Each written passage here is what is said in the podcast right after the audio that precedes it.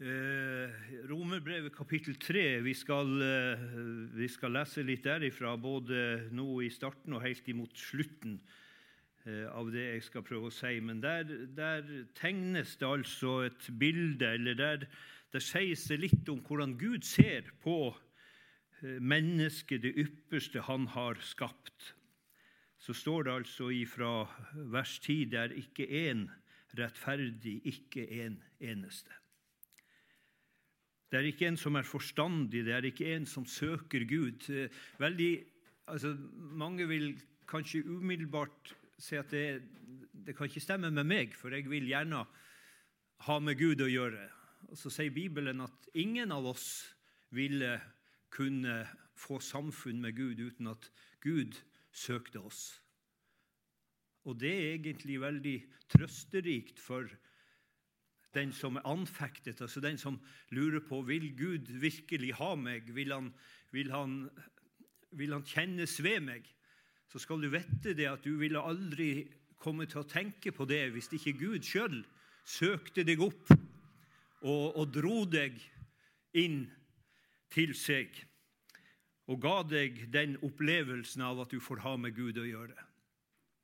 Han søkte meg i nåde som gikk på syndens vei. Han fant meg, trett og såret, og bar meg hjem til seg. Og Luther sier jo i forklaringen til tredje trosartikkel at de tror at de ikke av egen fornuft eller kraft kan tro på Jesus Kristus, min Herre, eller komme til ham.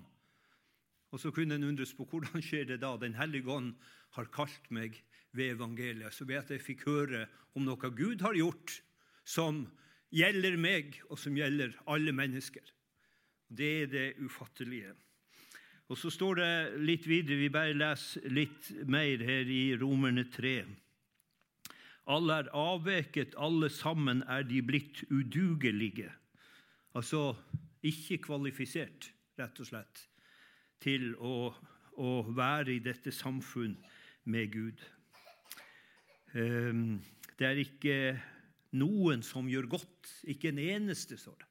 Voldsomt sterke ord Eh, og det er jo det som, som kan eh, ikke bare forskrekke en, men, men rett og slett gjøre en aldeles forferda når en ser at også de mest fromme ting i mitt liv er smitta av synd, smitta av egoisme. Eh, det er ikke bare lysten til det onde som vi også hørte i synsbekjennelsen, men det er selve den onde lyst i mitt hjerte. Altså det å, eh, De som har lest 'Steingrunnen' av Bo Gjerts, og de som ikke har lest den, burde lese den, men han taler om den som prøver å rydde i hagen, og som, og som finner stein på stein og triller vekk. Og så, og så til slutt så opplever altså han som har denne hagen, og prøver å gjøre den fin, at det er, det er steingrunn. Det er ikke bare enkeltsteiner, men det er det er rett og slett eh, berget som er mulig å bli kvitt. Og Hun sier det jo den eh, gamle troende i ei bibelgruppe de har, som også er referert i, i Steingrunnen, når hun snakker med han unge presten som, som taler om at, at, vi skal ha et rent hjerte. Og Så sier hun 'Har du et rent hjerte, prest?' sier hun. Og Så setter hun øynene i han, og så sier hun at å, å plukke de åpenbare synder det er som å plukke lusa av sofatrekket, sier hun. Men hjerteprest, sier hun, det er det verre med. Og den som, den som har møtt Gud sånn at en opplever at jeg, at jeg har et, et hjerte som, som, ikke kan elske Gud, og som har lyst til Ikke bare lyst til, men som har den onde lyst i, i hjertet. Det sitter så djupt.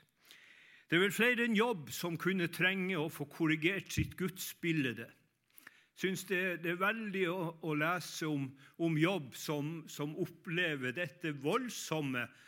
Eh, vi leser jo i starten av Jobbs bok at, eh, at Guds sønn kom fram for Gud, og, også Satan stilte der. Og, og Herren sier til Satan, har du, har du, gitt akt på min tjener Jobb? Det er ingen som han. Eh, og så sier Satan at det er ikke for ingenting at, at Jobb frykter deg. Eh, bare, Du har jo overøst han med godt. Bare, bare rør ved han, så skal du se. Så sier han deg snart farvel i sitt hjerte. Og så kunne vi lese hvordan, hvordan den onde får, får på en måte ta fra han mange av det som oppleves som goder for et menneske.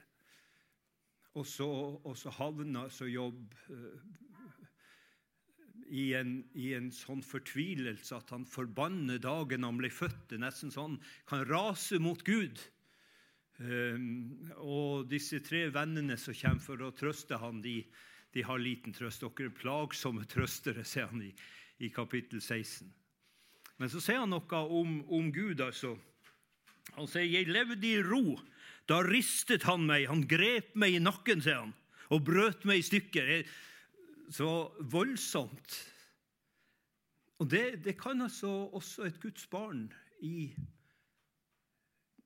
2020 oppleve at, at, at det, en, det en, på en måte var rammen rundt den detter bort, og en tenker hvor er Gud midt i alt det her? Vi hørte i det sterke vitnesbyrdet her i starten litt av det. Og mange av oss hørte det siste vitnesbyrdet fra Egil Grandhagen, som talte her fra denne talerstolen i pinsen i fjor da han var på regionårsmøtet. Og Så døde han nå i vår. Og Så ble han spurt hvordan opplever du Gud i, i alt dette. Og Så sier han jeg har måttet spurt har du glemt meg, Gud.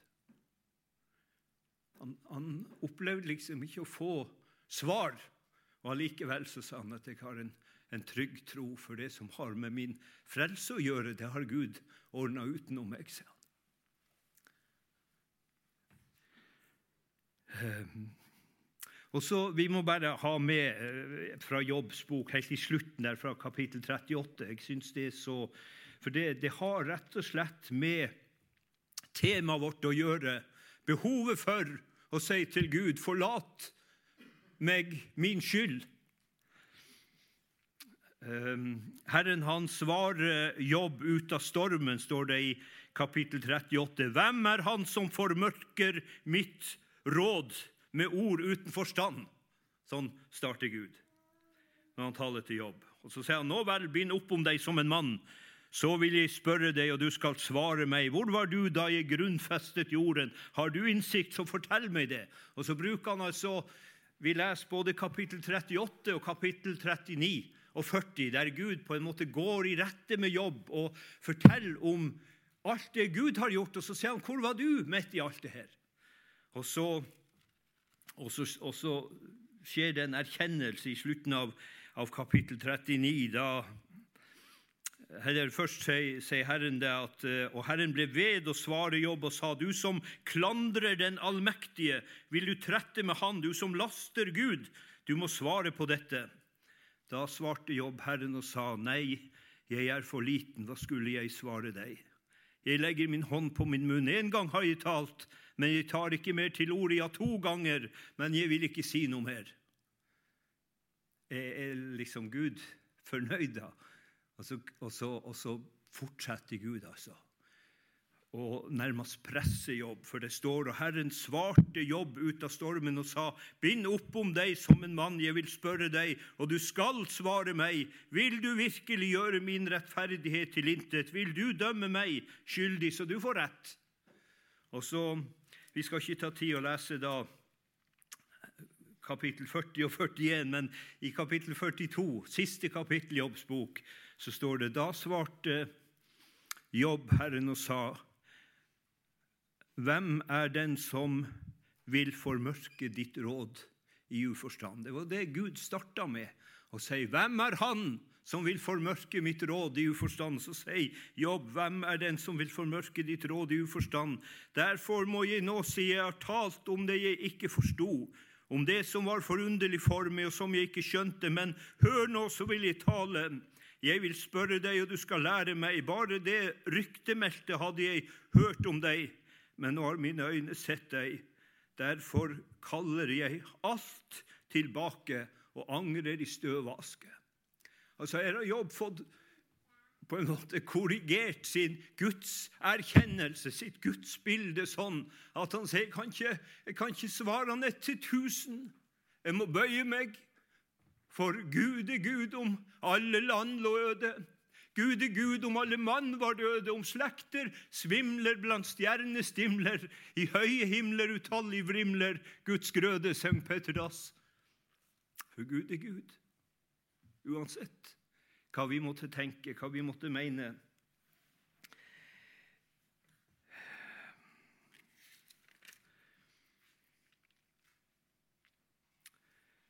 Vi trenger Guds lov, sier Bibelen. Vi trenger Guds lov. Vi trenger at Gud taler til oss om hvem Han er, og hva Han setter som vilkår for samfunn med Han. Den store hedningapostel Paulus han sier jeg en tid uten lov.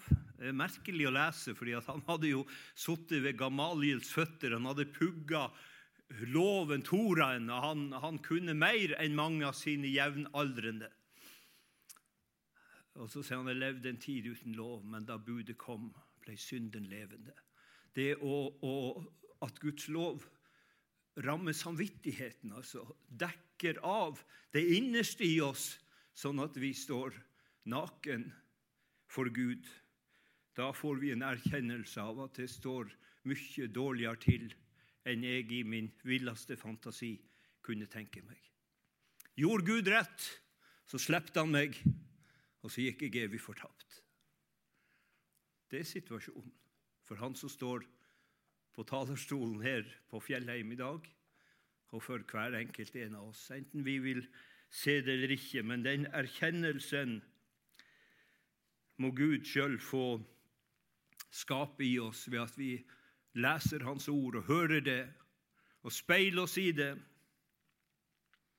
Jeg kjente ikke synden uten ved loven. Loven er ikke gitt for at vi skal ta oss sammen. Noen tenker det når Guds lov sier du skal, du skal ikke. Så, så tenker vi at eh, da, da, må jeg prøve å ta meg sammen. Men loven er altså gitt for at vi skal falle sammen, sier Bibelen. Loven taler til dem som har loven, for at hver munn skal lukkes, og hele verden blir skyldig for Gud. Det er lovens hensikt, til å vise hvor behov vi har for den dyre frelse Gud har ordna for oss i sin Sønn.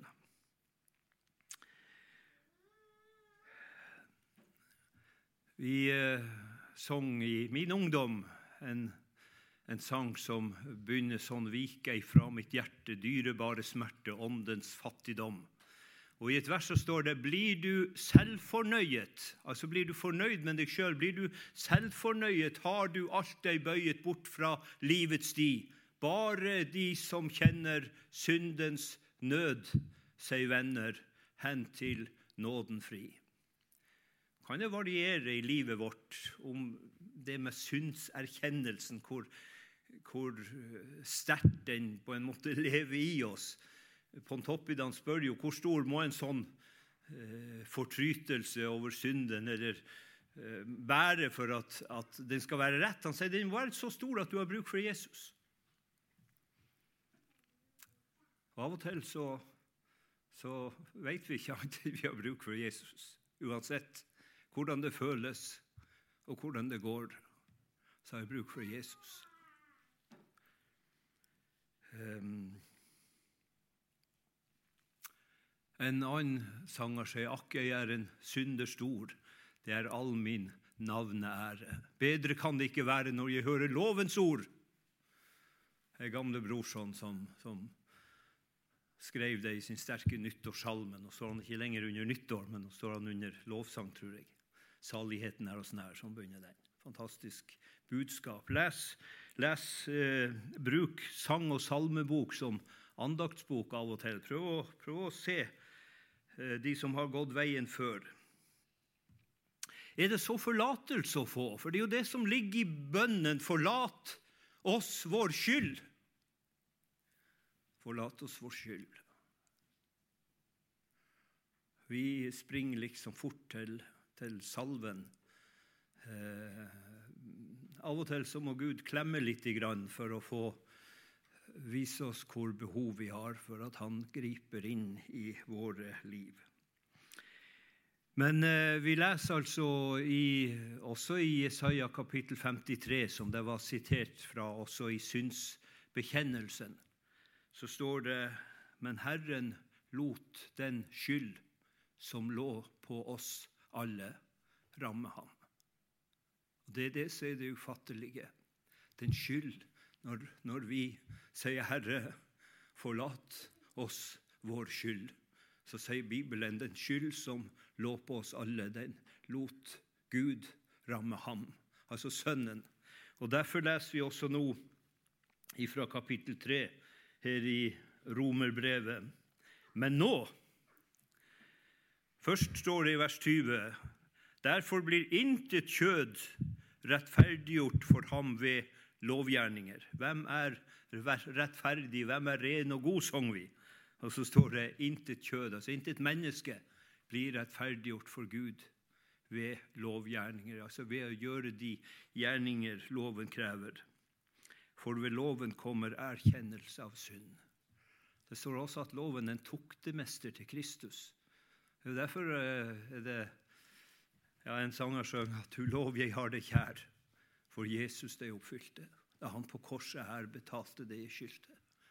Jeg trenger loven i livet mitt for å erkjenne at jeg har med den hellige Gud å gjøre, og for å tro at jeg også har bruk for det dyreste Han. Men nå er Guds rettferdighet, som loven og profetene vitner om, blitt åpenbart uten loven.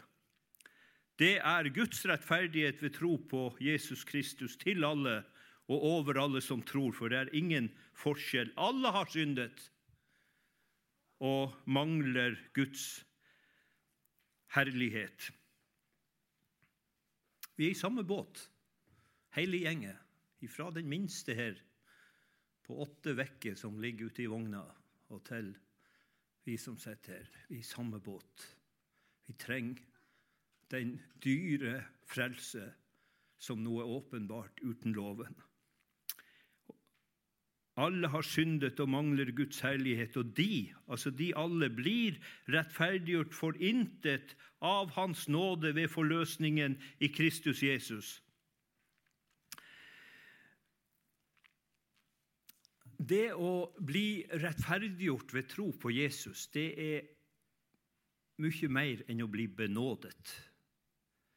Altså, vi, vi, vi står for Gud, som allting vet, og vi, vi erkjenner at jeg er skyldig til døden for syndene mange.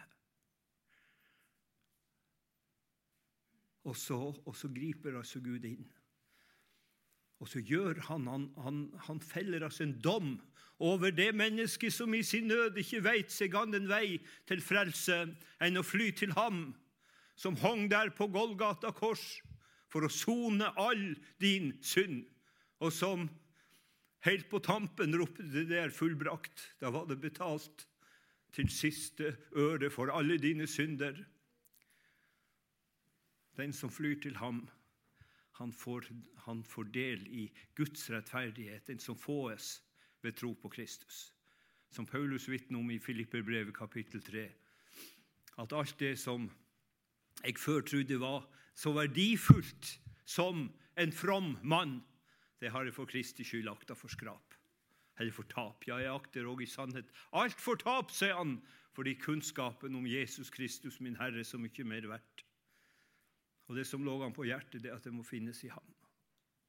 At det må finnes i ham. Ikke med min rettferdighet, den som jeg har loven, sier han, men med den som fåes. Det er altså en rettferdighet som fåes, som Gud gir til den som står uten noe å betale med. Det å, å bli erklært rettferdig, det er rett og slett å bli et menneske uten rulleblad. Uten en fortid, på en måte.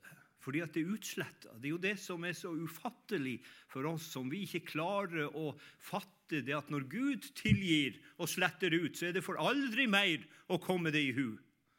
Det er ikke sånn som hun nabokjerringa som de hadde, hadde, det vanskelig over en lang periode. og Så fant hun ene ut at vi kan ikke ha det sånn, og så, og så måtte hun eh, over hagegjerdet, og, og, så sier hun da at vi, vi kan ikke ha det sånn.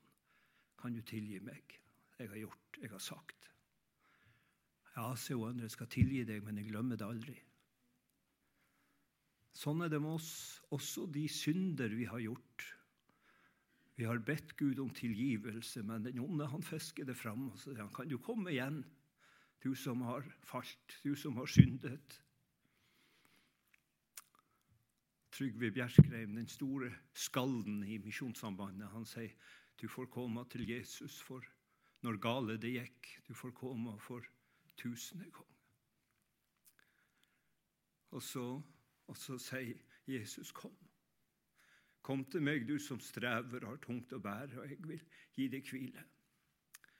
Hos Han er den rettferdighet som, som gjør at du blir erklært hellig og ulastelig for Guds åsyn. Det står at han kan fullkomment frelse de som kommer til Gud ved ham. Fullkomment. Det betyr at du står altså fullkommen for Gud. Hva er rettferdiggjørelsen, spør Pontoppidan i sin lille bok 'Sannhet til gudfryktighet'. Sikkert mange som ikke har peiling på at den finnes en gang. Men dine besteforeldre eller oldeforeldre måtte pugge den til konfirmasjonen. Det var noen få spørsmål med stjerne før som eh, de kunne slippe uten å kunne utenat. Men ellers så, så, var det ikke bare bare å, å stå til konfirmasjon under overhøringen nede gjennom kirkegulvet. Og så sier han, hva er rettferdiggjørelsen? Og så er svar, det er at Gud for sin dom frikjenner en sann botferdig synder, både fra syndens skyld og dens fortjente straff, og derimot tilregner ham Kristi rettferdighet, Jeg anser ham i Kristus som om han aldri hadde syndet. Kan du, kan du fatte det, at det går an?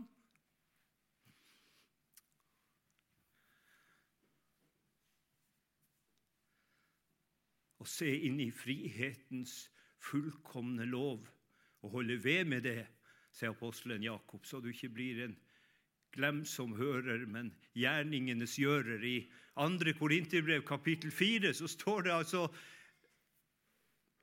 en grunn til at du ikke taper motet. Der står det at vi har ikke det synlige for øyet, men det usynlige. Vi taper ikke motet, for vi har ikke det synlige for øyet. Hvis vi bare ser på oss sjøl og på det som er galt, ja, da glemmer vi hva Herren har talt, og så, og så blir vi mismodige. Og så blir vi nedtynget, og så er det lite av gledesang. Syns det er så flott når du leser om Paulus og Sila som, som ble tatt altså av mobben, og, og, og, fangevokteren fikk beskjed om å passe ekstra godt på dem. Han førte dem inn i det innste fangerom. Ikke norsk standard i fengslene i Filippi. Så lenker han føttene deres fast til stokken, står det. Og så leser vi apostelgjerningen at ved midnattstid, altså på den mørkeste tida, så står det at da holdt Paulus og Silas bønn og sang lovsanger til Gud. Og så står det fangene hørte på dem. Kan du tenke deg? De, noen hadde sovna, og, og, og, noen lå der og slumra og kjente på uh, lopper og lus og alt som var. Og så begynte de å lure på hva, hva er det som skjer. Det, det høres sang fra det innste fangerommet. En lovsang til Gud. Fangene hørte på dem. Er du en sånn som, som bærer litt av lovsangen over frelsen i Jesus, den som er fullkommen, den som gjør deg hellig for Gud? Er du en sånn som bærer dette med deg, sånn at andre lurer på hva er det du har, som jeg ikke har? Forlat oss vår skyld. Og Når du får se inn i, i forlatelsen, altså hva det koster Gud å ordne det for deg, ja, da kan du ikke annet enn å synge salige visshet. Jesus er min. Han er min hyrde, kaller meg sin. Vi trenger daglig å leve i denne spenningen, samtidig synder og rettferdig. Vi trenger det for å, å ha et ankerfeste, for å ha et fotfeste for troen vår. Mange som har prøvd det før. Han sier at 'høyst elendig går jeg', men i Kristus står jeg dog i hellig skrud. Jeg i dette kledet ren og skjønn kan trede framfor himmelens Gud. Selv om erkjennelsen er at jeg blir aldri annet enn en synder i meg sjøl. Høyst elendig går jeg, men i Kristus står jeg. Og så uh, står det i siste vers av denne sterke bønnen på jeg vet ikke om det er det åtte eller elleve vers eh, i sangboken på 476. Noter det, og, og bruk den til din bønnesalme. Her står i et av versene uh, den som knust av dommen, lykkelig er kommet løst av lovens bann. Er du ferdig da? Men så står det frykter dog sitt hjerte, kjenner synd med smerte, lenges til sitt land. Luther sier at den som ikke er redd seg sjøl, har virkelig grunn til å frykte. Og bibelordet sier at den som tror han står, han ser til at han ikke faller. Vi skal være mistenksom overfor vårt eget arme hjerte. Men så står det i siste verset i denne flotte bønnesangen på 476 så står det 'før ditt verk til ende'.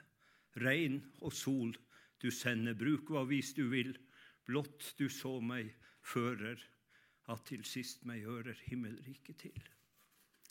Når du får leve i syndsforlatelsen og daglig får be 'forlat oss vår skyld', så får du leve i det for Jesus skyld, og så skal du få oppleve at det er en frydetone midt i det og også kjenne på syndens smerte. For det er en som har betalt for alle dine synder. Amen.